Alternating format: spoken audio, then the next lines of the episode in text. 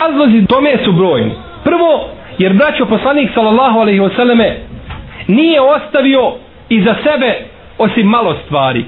Dokaz tome je hadis koga bilježi imam Buharija od Amra ibn al-Harisa da je rekao Ma tereke Rasulullah sallallahu alaihi wasallame inde meutihi dirhemen wala dinara wala abden wala emeten wala šejen illa bagletehu l-bejda وسلاحه وأرضا جعلها صدقة kaže ovaj Amr ibn Haris nije poslanik sallallahu alaihi wasallam nakon svoje smrti ostavio ništa nije ostavio ni zlatnika ni srebrenjaka niti je ostavio roba niti je ostavio sluškinju niti je ostavio bilo šta osim osim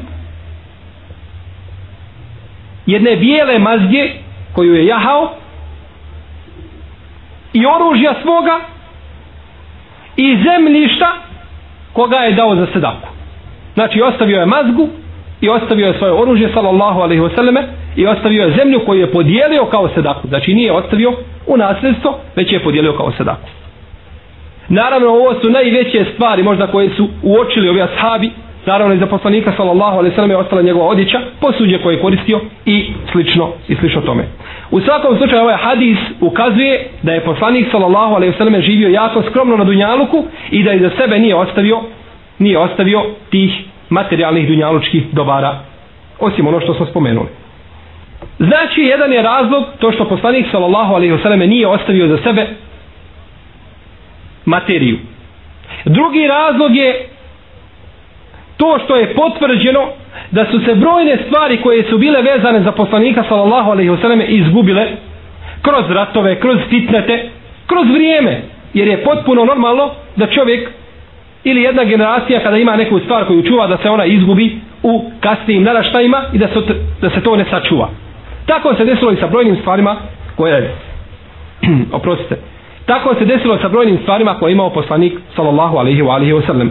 Pa na primjer bilježi imam Buharija i Muslim od Ibnu Omara kaže i tahada nebiju sallallahu alaihi wa sallam hatemen min fiddatin فكان في يده ثم في يد أبي بكر ثم عمر ثم حتى وقع منه في بئر في بئر أريس نقشه محمد رسول الله Kaže Ibn Omar radijallahu ta'ala anhu Poslanik sallallahu alaihi wasallam je imao jedan srebrni prsten.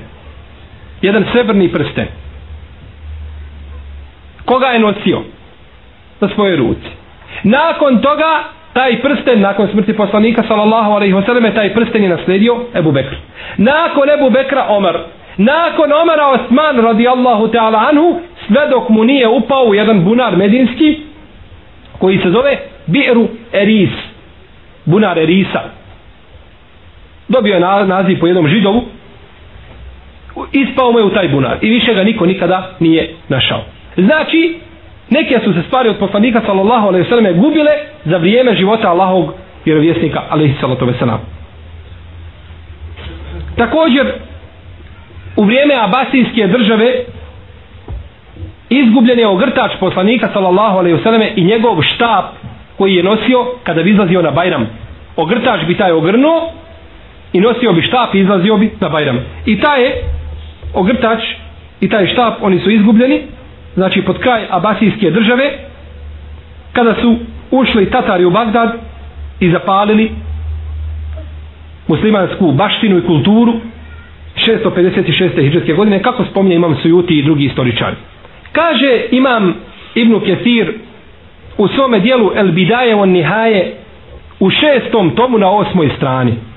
Kaže وقد تواتر بنو العباس هذه البردة خلفا عن سلف وكان الخليفة يلبسها يوم العيد على كتفيه ويأخذ القضيب المنسوب إليه صلى الله عليه وسلم في إحدى يديه فيخرج عليه من السكينة والوقار ما يسطع به القلوب o jebheru bihi lebsar.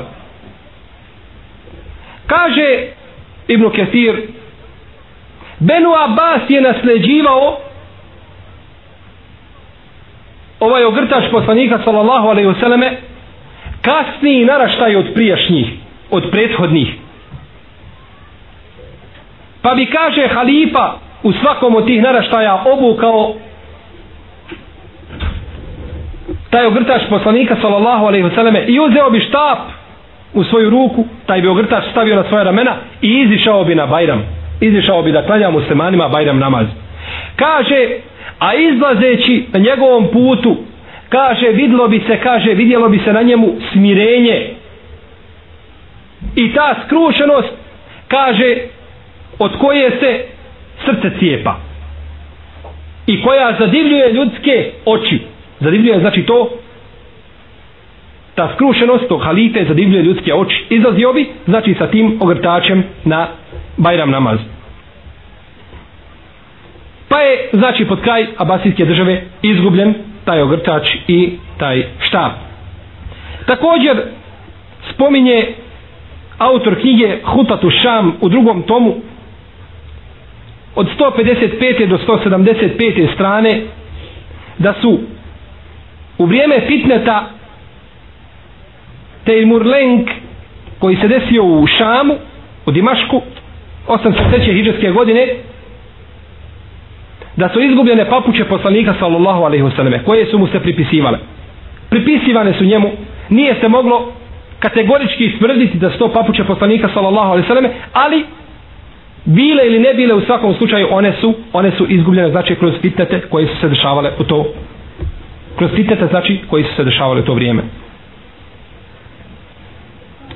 Također od jedan od razloga koji je doveo da se izgube mnoge stvari koje su bile vezane za poslanika sallallahu alejhi ve selleme jeste to što je neko od ashaba ili tabiina koji je naslijedio neku poslanikovu sallallahu alejhi ve selleme stvar tražio da ga ukopaju sa tom stvari.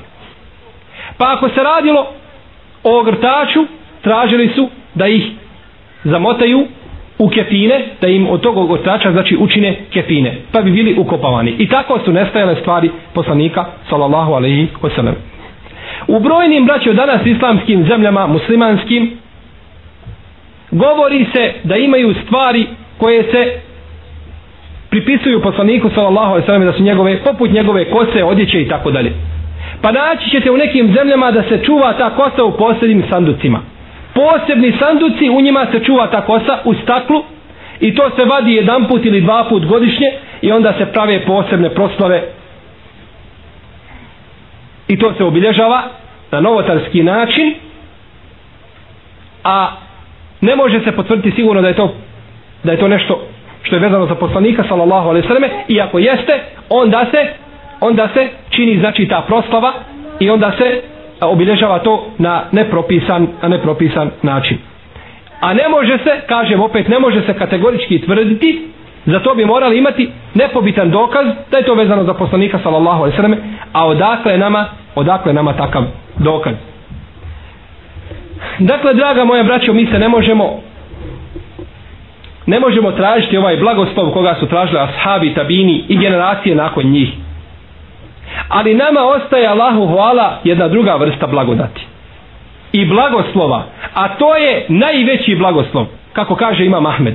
To je sređenje poslanika sallallahu alaihi sallam kroz taj najveći najveći se znači blagoslov dobiva upravo slijedjenjem sunneta poslanika sallallahu alaihi sallam učenjem sunneta prenošenjem tog suneta i njegovim praktikovanjem. To je najveći oblik blagoslova koji se može tražiti od poslanika sallallahu alejhi ve sellem.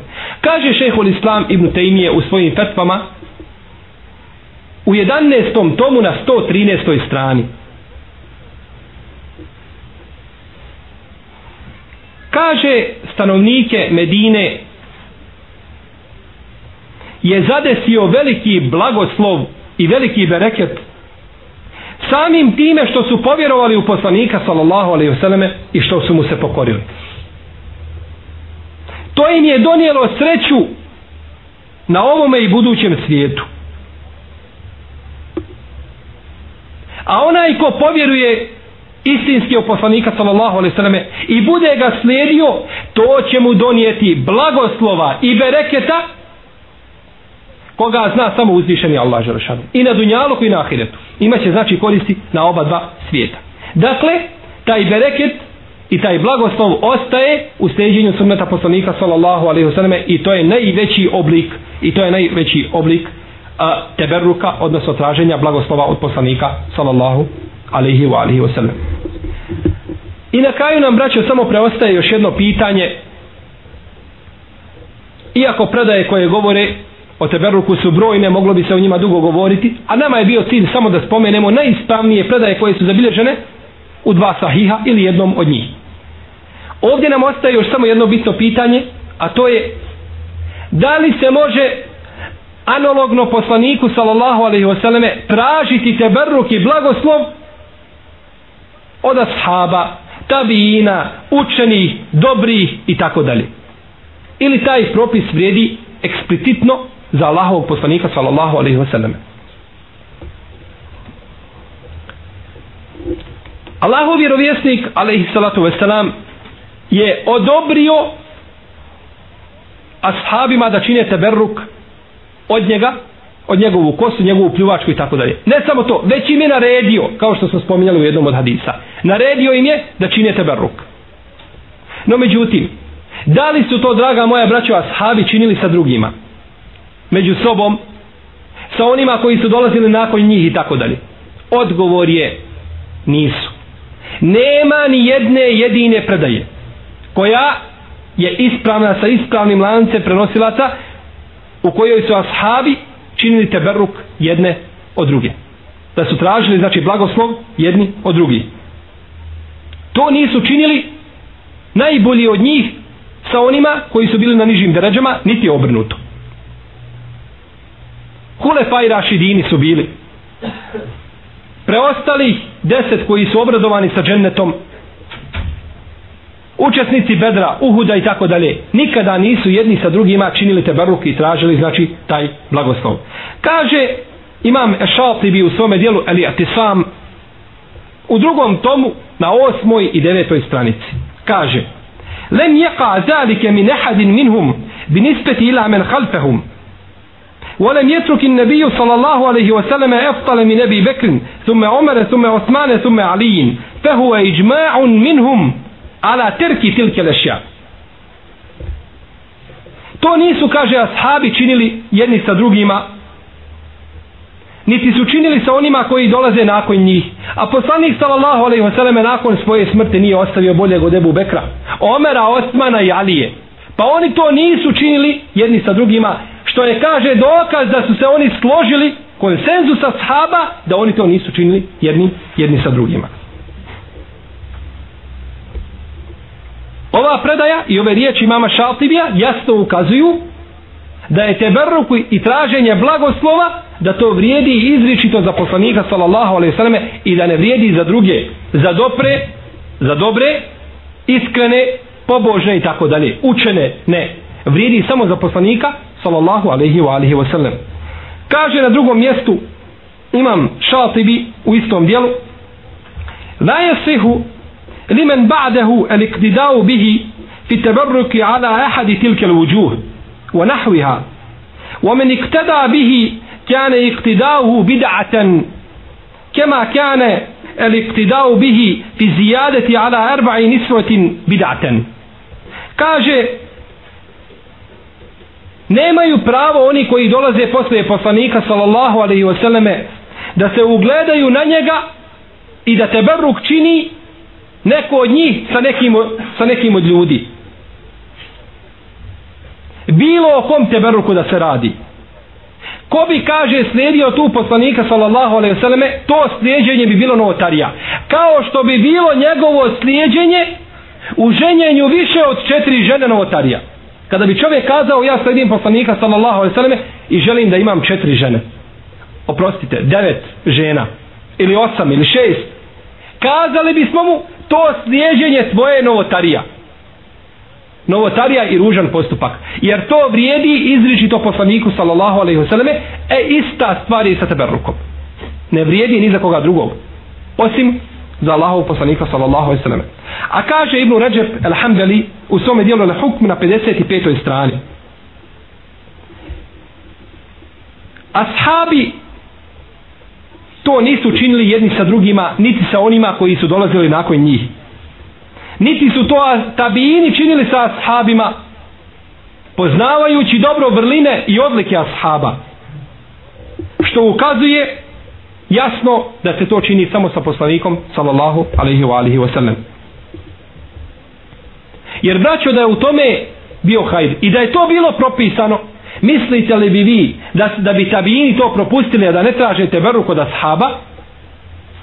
Smatraju li generacije koje dolaze nakon tabina da su oni pobožni i bolji i veći mu'mini i bolji poznavaoci Kur'ana i sunneta od tabina? sigurno nisu a tabijini su to ostavili. Niko od njih to nije činio ni jedan jedini. Muđahid koji je imao 90 šehova ashaba nikada to nije učinio. Zar bi on propustio tako, takvu blagodat da činite berru kod Ibnu Abbasa kome je poslanik sallallahu alaihi sallam učio dovu? Od Enesa koji je govorio ima moje djece stotine. Moje djece i moje unučade ima ih preko stotinu. Moj metak je veliki to je dova poslanika sallallahu alaihi sallame čiji se tragovi vide na Enesu ibn Maliku. Pa zar bi propustio Muhammed ibn Sirin i Sabitul Bunjani i drugi da tražete beru kod Enesa ibn Malika? Nikako, to bi činili sigurno. No međutim nisu to činili. Niti su ashabi tražili da to ko od njih čini. Što znači da su ostavili da su ostavili takvo djelo. Druga stvar braćo. Kada bi ovaj postupak bio legitiman i kada bi bio dozvoljen imali bismo pravo da ga zabranimo. Imali bismo pravo da ga zabranimo zatvarajući time šeitanu vrata. Jer bi ljudi tada počeli i doveli možda digli obične ljude na stepen da se možda i obožavaju. A to je a, znači to bi se učinilo zbog sedu zaraja sedu zaraja je jedna jedno fiksko pravilo koje znači spriječavanje puteva i zatvaranje puteva šetanu da ljudi čine čak i propi ili dozvoljena djela koja su dozvoljena ako i vode u širku, kufru, nevjerstvo i tako dalje u bidat. Onda se spriječava, spriječava se takvo, takvo djelo. I treća stvar, kada bi čovjek činio teberuk od nekoga od ljudi, ima šeha svoga učenog čovjeka i čini teberuk, može garantovati da je taj šejh pravi mu'min i pravi vjernik? Mi znamo sigurno da je poslanik sallallahu alejhi ve sellem pravi vjernik. Kur'an to potvrđuje i sunnet to potvrđuje i konsensus ummeta. No međutim, kada bi čovjek činio teberu kod svoga šeha, ko će mu potvrditi da je taj šejh pravi mu'min i pravi vjernik? Možda je munafik, možda je zindik, možda je izišao iz vjere. To niko ne zna. Jesu li ashabi poznavali munafike u Medini? Nisu. To je znao samo Allah Žršanu, objavio poslanik sallallahu alejhi ve sellem. I znao možda povjerenik tajni Allahovog poslanika sallallahu alejhi ve selleme i niko drugi. Nisu znali ko je munafik. Tako i čovjek može od svoga šeha činiti teberu kao taj šejh munafik. Licemjer. Niko ne zna šta je u srcu drugog. To je samo ono što zna uzvišeni Allah te barake od i zbog toga nije dozvoljeno to činiti. Sjećam se jedne prilike jedan mi je čovjek pričao kako je bio sa jednom iskrivljenom sektom bio jedan od njih kaže pa smo puno cijenili i puno veličali veliku pažnju pridavali našem šejhu, našem alimu koji nas je poučavao i smatrali smo da je on nešto nadnaravno, da je on neko nadnaravno biće, nije obični čovjek i tako dalje. Kaže jedne prilike, a ja sam, kaže, bio dječak u osnovnoj školi. I kaže, pošao sam, kaže, pošao sam, kaže, u školu. I vidio sam, kaže, toga šeha našeg učitelja, kaže, da ore zemljište iza svoje kuće neposredno. Prikačio je magarca za plug i ore zemljište. I kada je vidio da magare više ne može vući da magarac više ne može vući plug počeo je kaže da psuje i Allaha i poslanika i vjeru i sve kaže što mu dođe na jezik psuje. A kaže ja sam prolazio tuda. Ovo mi je pričao čovjek lično koji je to čuo. Kaže pa sam kaže zastao pored ograde i kaže slušam šta govori. Kaže psuje Allaha i psuje poslanika. Zakačio magare za plug da ore zemljište koje ne može tenki buldužer zajedno orati. Može li magare po pustinji orati? I onda psuje Allaha Đelešanu i poslanika. Pa kaže okrenuo sam se i otišao kaže do svoga komšije i pozvao ga. Jednog kaže mladića koji je bio sa mnom i dolazio u halke kod toga šeha kaže pa sam rekao kaže dođi sa mnom kaže da poslušaš kaže šta govori šeha kaže pa smo stali pored ograde a on kaže uvijek i dalje psuje. Allaha, poslanika, vjeru i sve drugo. Ništa ne ostavlja. Kaže pa sam mu rekao e kaže to je naš šejh kaže pred kojim mi učimo znanje koji nas poziva hlaku, vjeri i tako dalje. Eto kaže koga mi slijedimo. Pa je kaže okrenuo se kaže ovaj momak kaže i kaže onako drsko pogledao kaže u mene i rekao kaže a otkud ti znaš šta je u njegovom srcu? On jeste psuje Allaha i psuje poslanika. I psuje vjeru i Kur'an i sunnet ali ti ne znaš kakvo je njegovo srce. Volovsko. Srce onoga magareta je bolje nego njegovo. Jer da ima srce i da ima u tom srcu išta nikada ne bi sebi dozvolio da ružno pomisli a ne da opsuje ili Allaha Đalšanu ili poslanika sallallahu alaihi sallam ili nešto od vjere. Jer je to kufur i nevjerstvo u Allaha te barake o teala dakle braćo teberruk je dozvoljeno činiti isključivo sa poslanikom sallallahu alaihi wasallam jer je on jedino bezgrešno biće u pitanjima vjere. On je taj koga je uzvišeni Allah te bareke u ta'ala pohvalio u Kur'anu i umet islamski je složan da je poslanik sallallahu alaihi wasallam najbolje biće koje je ikada kročilo za majskom kuglom. Bolje i od najbližih meleka od svih ljudi i od svih poslanika i vjerovjesnika. Ovim bismo inša Allahu tebarake wa ta'ala priveli kraju ovaj naš ciklus predavanja u kome smo govorili o poslaniku sallallahu alejhi ve selleme vrlinama Allahovog poslanika o sunnetu i brojnim drugim stvarima vezanim znači za sunnet. Molim uzvišenog Allaha te bareke taala da nas učini od iskrenih sledbenika sunneta poslanika sallallahu alejhi ve selleme da budemo od onih koji se bore za sunnet koji ga praktikuju u svom životu i koje će uzvišeni Allah te bareke taala usmrtiti na sunnetu. Sallallahu ala nabina Muhammed. وعلى آله وأصحابه أجمعين وجزاكم الله خير الجزاء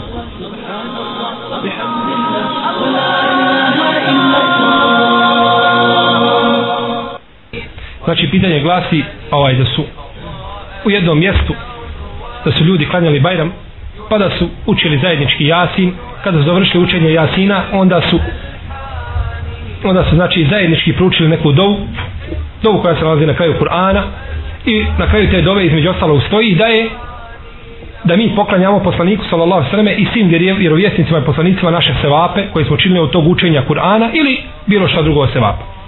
Prvo učenje Jasina na takav način je novotarsko, nema ništa što ukazuje na to. Novotarija je ovaj učiti ezan ili kamet za Bajram namaz. Bajram namaz se klanja znači bez ezana i bez kameta. A, također kad čovjek iziđe u salu, ne treba na musalli, ne treba na musalli da klanja dva rekiata tehitul mesčida. Toga nema. Tehitul mesčida klanja samo u džami. Kad se vani klanja, nema, go, skoro da neće vidjeti čovjeka da ne klanja dva rekiata. Dođe u džamiju i sjedne ko kokoš na svoje gnjezdo i ne klanja dva rekiata Allahu Đelešanu, a kada ga vidiš na musalli gdje ne treba klanjati, gdje nije propisano da se klanja, onda iziđe i klanja. Kaže Ibn Abbas radijallahu ta'ala anhu, izišao je poslanik sallallahu alaihi sallam i klanjao Bajram namaz nije klanjao ni prije Bajrama ni posle Bajrama ništa. Nema namaza. On klanja. Kada treba klanjati ne klanja. Kada ne treba klanjati treba. I tako. Sve se izvine i sve se pomiješa. To je jedno. Nakon toga dova koja sledi isto tako. Dova završetka Kur'ana. Izmišljena stvar. Ljudi je izmislili. Stavili je. Opterećavaju ljudima vjeru. Pa ljudi ostavljaju dove koje su sunneta. A uzmeju dove koje nisu sunneta. I tako je. Znači tako se polako tako blijedi. I ovaj, ovaj izlazi iz prakse sunet sunet poslanika sallallahu alaihi wa alihi wa sallam. Nakon toga da li je dozvoljeno čovjeku da on prouči Kur'an i da pokloni to je sevape poslaniku sallallahu alaihi wa alihi wa sallam? Prvo učenje Kur'ana mrtvima nije propisano. Po najjačem mišljenju da to nije propisano i to nije činio niko od prvih generacija. Ni ashabi, ni tabini niti bilo ko od prvih najboljih generacija nisu učili Kur'an mrtvima. Dova se čini mrtvom i to je ono što se navodi u hadisima poslanika sallallahu alaihi sallam. Dalje, čovjek koji poklanja poslaniku sallallahu alaihi sallam fatihu. Ili suru ili jasin. Niti zna ispravno učiti Kur'an. Uči Kur'an kao novine kada čita. Niti razumije to što uči niti razumije to što uči. I da razumije to što uči ne zna tefsir toga što uči jer nije dovoljno samo razumije tajet ponekad se mora znati i tefsir toga ajeta. Znači to je skupina stvari koje sprečavaju da tako djelo dođe do poslanika sallallahu alejhi ve sellem. jer ti kad bi htio pokloniti nešto Allahovom poslaniku moraš pokloniti nešto najbolje, najsavršenije da bi to moglo biti primljeno. Ako je već primljeno. A kako onda kada nije primljeno nikako? Također vjerovjesnicima i poslanicima i tako dalje. Pa često čujemo ljudima kaže Fatiha za šehide. Allahu akbar, šehid 72. Na sudnjem danu će mu sa prvom kapi krvi samo bio oprošteno sve. Bez grijeha dolazi pred Allaha na sudnji dan. Ulazi u, pla, u dženet bez polaganja računa. Neće u kaburu imati nikakve ovaj, neće kaburski strahota osjetiti. Ulazi u dženet, direktno u dženet. I sad dođe čovjek pocrnio od grijeha, od glave do pete. I onda kaže ja svoju dovu ili svoju fatihu koju je sklepeto kaže poklanjam je šehidima ili poklanjam je poslaniku sallallahu sallam ili tako dalje. To su stvari u najmanju ruku smiješne i to je džehl koga se ljudi trebaju proći i trebaju se poučiti vjeri pa trebaju praktikovati sunnet. I to braćo dolazi onda kada nestane sunnet iz prakse. Pa kada god nestane sunneta dolazi bidat. I to se navodi u nekim predajama koje su slabe s obzirom na lanac prenosilaca ali sigurno nije ovo značenje ispravno koliko god se umanji od sunneta to mjesto popuni bidat. To je kao jedno polje koje je iskockano da ne kažemo kao šahovsko polje jer ne volim igrati šah jel tako? Šah nije dozvoljen. Ali kao polje iskockano pa kada god izvadiš nešto jednu kocku nešto dođe na to mjesto. To se mora nečim popuniti. Ne može biti prazno zamrznuto da nema ništa. Ili će biti sunet, ili će biti bidat. U jednoj kući. Ili će biti džini i šeitani ili će biti meleki. Ne može nikako biti da je prazna da nema ništa u njoj. Jedno mora biti. Pa ako je pas i slika u toj kući, i ako je alkohol u toj kući, nećemo kazati ako je televizor u toj kući. Onda meleki neće tu ulaziti. Ali ako je u toj kući Kur'an, Islam, Terbija, onda sigurno da će tu kuću ispuniti meleki, inša Allah. Zato obaveza nam je braćo da prenesemo ono što znamo od vjere od sunata poslanika sallallahu alaihi, alaihi wasallam jer ljudi to čine što su zatekli svoje pretke na tome. Sigurno da znaju mnogi od njih da znaju da to nije vjera vjerujem da to ne bi činilo. Wallahu ta'ala šta je zindik zindik u arapskom jeziku znači čovjek koji je a, izišao iz vjere kjatir, nevjernik. U, u, na kraju krajeva taj čovjek je nevjernik jest. Taj čovjek je nevjernik. Recimo ulema kaže za čovjeka koji slijedi olakšice stalno olakšica.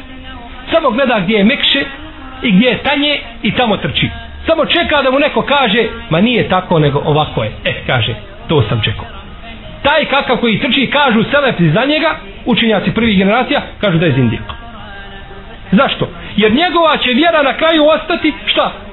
med i mlijeko ništa u vjeri nema teško jer uvijek je neki učenjak na jednom mjestu posrnuo zastao i tako dalje navodi se u nekim predajama kako bilježi imam El Bejheqi i to spominje imame Šaukani u Iršadul Fuhul i drugi.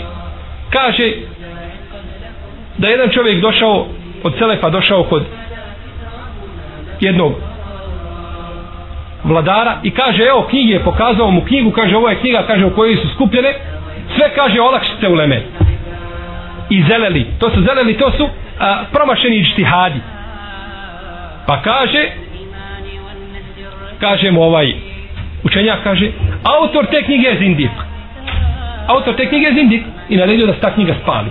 Jer šta će onda čovjek ostati od vjere? Sve je dozvoljeno ništa nije zabranjeno. Jer je uvijek neki od islamskih učenjaka da se Allah svima njima smiluje i nama sa njima iako mi nismo učenjaci? Ovaj a promašio u svome ištihadu kazao nešto što je oprešno Kur'anu i sunnetu i onda bi na kraju vjera bila promijenjena.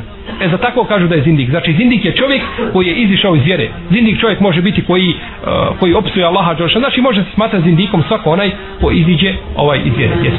Ništa danas, znači da li imaju sablje, da li ima nešto što je sačuvano od poslanika sallallahu alaihi sallam. Ništa nema danas što bismo mogli kategorički tvrditi da je od poslanika sallallahu alejhi ve selleme. E to nema. Ima je stvari koje se pripisuju, to je od poslanika alejhi sallam, to je Nadal ćemo na broj na brojne stvari se nailaze koje svako pripis, svako vuče sebi. Recimo pećina ona u kojoj su bili oni uh, momci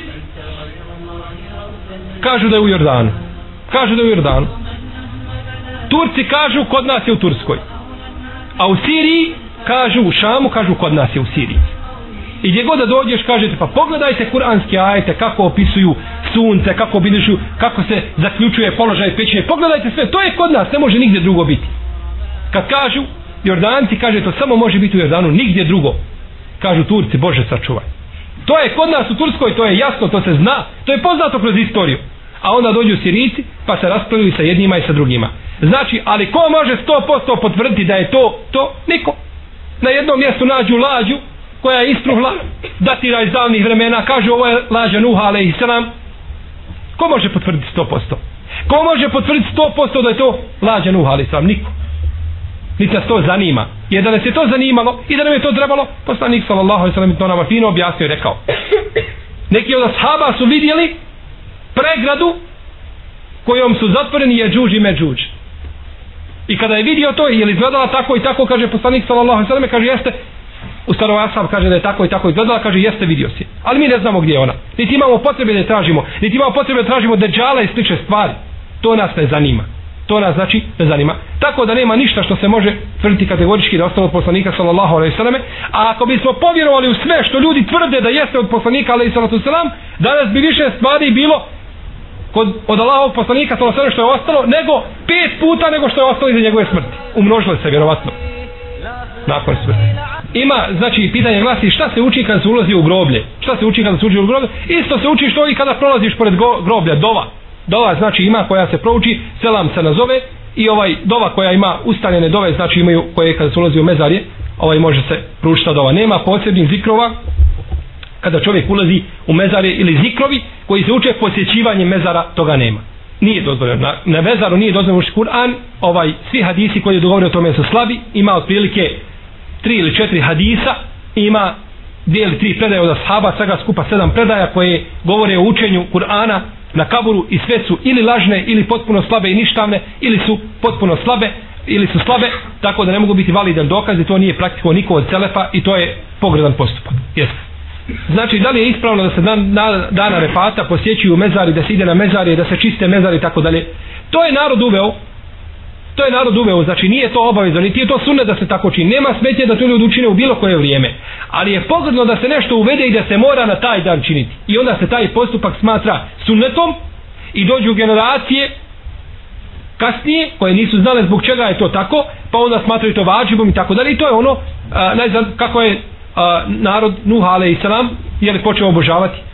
Kipove tako da ovaj tako da a, nije ispravno znači da se to određi na određeni dan. Ako se radi na taj dan fino je. Ako se radi na neki drugi dan ovaj hajd i dobro je inshallah ta'ala.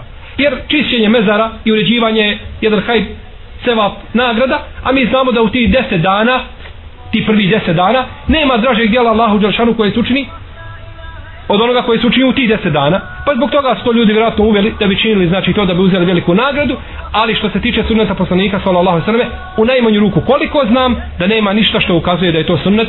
Ako kaže da ima znači treba nam doći znači sa vjerodostojnim predajom inša Allah da bi se moglo jeli, da bi se mogla potvrditi legitimnost tog, tog dijela jest.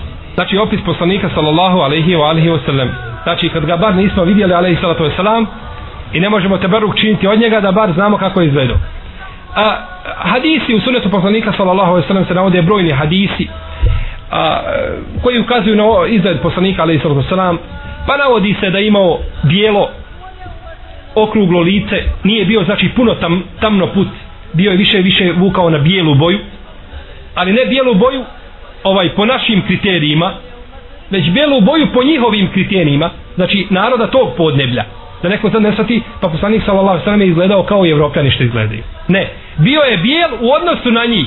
Znači nije bio toliko tamnoput kao što su oni. Bio je srednjeg rasta nije bio puno ni visok niti je bio nizak. Srednjeg rasta. Znači okruglo je lice imao a kosa mu je bila ako nije bio na hađu na umri ako nije bio znači potpuno ošišan na čelovo onda je kosa mu bila do uha do sredine uha ponekad bi bila do mekog dijela uha do niže i to je se došlo kod muslima u njegovom sahihu a ponekad bi mu kosa udarala vrhovi kraj kose bi znači udarao po ramenima. Kada bi hodao tačno je ovako kosa udarala po ramenima poslanika sallallahu alaihi sallam znači to je bila kosa i u kosi i u bradini imao više od 20 bijelih dlaka a navodi se u predajama da je njegova da je imao jako izrazito ovaj jake e, ove podlaktice da su bile krupne. Krupne podlaktice znači imao. Pravo znači ona je li a, muškarast izgled. Znači imao je krupne podlaktice ovaj e, njegovi tako jednom se predaj na ovdje njegova stopala njegova stopala su bila a, da su bila ovako ravna. Nije imao ovoga. Ovo se u arapskom jeziku ova udubina ovdje zove uhmus. Uhmus ova udubina. To poslanik sallallahu sallam nije imao nego bi cijelim ovako stopalom dodirivao zemlju. Znači nije bilo ove ovdje udubine. Ali bi pored toga mogao da brzo ide pa sahabi kada bi izašli za njim pokidali bi svoje papuče on normalno hodao oni ga ne mogu stići. Jako je brzo mogao hodati alihi salatu veselam ne znam, to su ukratko možda neki opisi koji sam se trenutno sjetio, vjerojatno tu ima još mnogo stvari u kojima se opisuje znak, pečat poslanstva i tako dalje, ramena da su bila široka brada, da je bila između, e, da je popunjavala godni dio prsa, da je bila sa strane kada se gleda da je bila popunjena ovako napred. Znači brojni imaju opisi u kojima se govori koža, Enes radi Allahanu kaže, nikada nisam dotaknuo, dotaknuo ništa nježnije i ljepše od ruke poslanika sallallahu alaihi wa alihi wa sallam. Znači bila je kaže nježnija nego svila ili kadifa ili bilo ovaj šta drugo. Znači to je nešto ukratko opisu a možda jedne prilike inša Allah htjela kao što ono moguće da se napravi nešto na tu temu. Jest donijem čovjek sallallahu ala Muhammed Allahume salli ala Muhammedu ala Muhammed. Allah salo, alaihi salatu wasalam bilo šta da se izgovori braćo donosi, donosi se znači salavat se donosi bilo da se kaže Allahumma salli ala Muhammed kema salli ala Ibrahim znači da govori one salavatu Ibrahim one uh, salavate Ibrahimije da donosi što uči na tešehudu ili da kraćim riječima kaže donese salavat bitno je da donese salavat na poslanika sallallahu alaihi sallam sve se to smatra znači sve se to smatra salavatima i sve je to dozvoljeno činiti ovaj nije obavio za čovjek znači da izgovara uvijek one duže jeli, duže one salavate osim ako postoji dokaz da se ti duži salavati uče na određenom mjestu kao što se uči na tešehudu yes. prvo mi kada govorimo ovaj o stvarima, znači kada prenosimo, kažemo, slušali smo jednog hatiba koji je rekao da Bajram namaz to i to, pa navedemo hadis, ne moramo spomenuti imena, nas imena ne zanimaju. Ovaj, naravno kada se radi, znaš, ako se radi o pohvali, onda uvijek spomenemo. Neku pohvalnu stvar, onda uvijek spomenemo ime, jer to vuče naša srca, da stijenimo toga čovjeka, da ga poštujemo, da ga volimo i tako dalje. A kada se spominje nešto što je možda, možda eventualno bi moglo u nečim očima da umanji vrijednost čovjeka i tako dalje, onda se tu ne spominju, onda se tu ne spominju imena. Pogledajte, braćo, riječi Hafila ibn al-Hajara u Fethul Bario. Kaže, jedne prilike sam, kaže, odlučio da sakupim imena svih ashaba nad kojima je izvršena šarijetska kazna. Svih ashaba nad kojima je izrišena širijska kazna. Da samo pokupim imena i da kažem izrišena je kazna nad njim zbog toga i toga. Kaže, pa da sam, kaže, pa sam odustao od ovoga čina. Odustao sam od onoga što sam naumio. Zašto? Kaže zato što je osnova kod muslimana da se pokriju. I da se sakriju. I da se ne spominju njihova imena tamo gdje su šta? Pogriješili. Da se ne spominju njihova imena. Pa dobro, ashabi su umrli, pa to je vjera. Neka je. Kakva bi nama korist bila sada znamo imena svih ashaba kad je koji ako je ukrao, kad je koji ako je učinio nemoral i tako dalje. Kakva bi korist bila? Bila bi korist samo da širimo imena ta. Ništa više. Nikakve koriste imamo toga. E znači to je osnova, pa kaže pa sam odustao od onoga što sam naumio i kaže neću kaže napisati tako djelo velika bi korist bila to nije lahko doći do tih predaja to samo može Hafiz ibn Hajar to ne može svako da pokupi sve to treba prevrnuti sve knjige istorije sire e, hadijske zbirke sa lancima prenosilaca i tako dalje da bi se moglo doći do svih tih predaja no međutim odumio je od tog i odustao od tog čina da ne bi znači otkrio neko ime nekog od ashaba znači to je jedno u svakom slučaju taj hadis koga stavio Allah se nagradio navodi se u knjigama ovaj ispominje se često treba provjeriti vjerozostojnost hadisa. Znači trebalo se vratiti da se potvrdi tačno istina vjerozostojnost hadisa. O, sada ovdje ne bih mogao kazati njegov stepen. Pa ako je ispravno, alhamdulillah, hajr i dobro. Ako nije ispravno, da Allah oprosti svima nama, samo je poslanik sallallahu alaihi sallam ne pogreši. Jesno. Da li je ispravan hadis kome poslanik sallallahu alaihi sallam kaže učite svojima umrlima jasi. Hadis ikreu ala meutakum jasin ili surat Jasin učite svojima umrlima ali ovo ulema neka tumači svojim umirućim koji su nas na umiruće na onoj, na, na onoj smrtnoj postelji da se njima uči Jasin a ne da se mrtvom uči. Pa tako je to nekaj veliki dio u Lemetu shvatio da se uči umirućem onome koji je na smrtnoj postelji koji još nije izdahnuo da mu se uči jer se navodi u jednoj predaji koji spominju hanefijski učenjac ali ona je potpuno slaba ništavna da učenje sure Jasin olakšava izlazak duše no međutim ta predaja je potpuno slaba i ništavna i nije nije dozvan rad po njoj.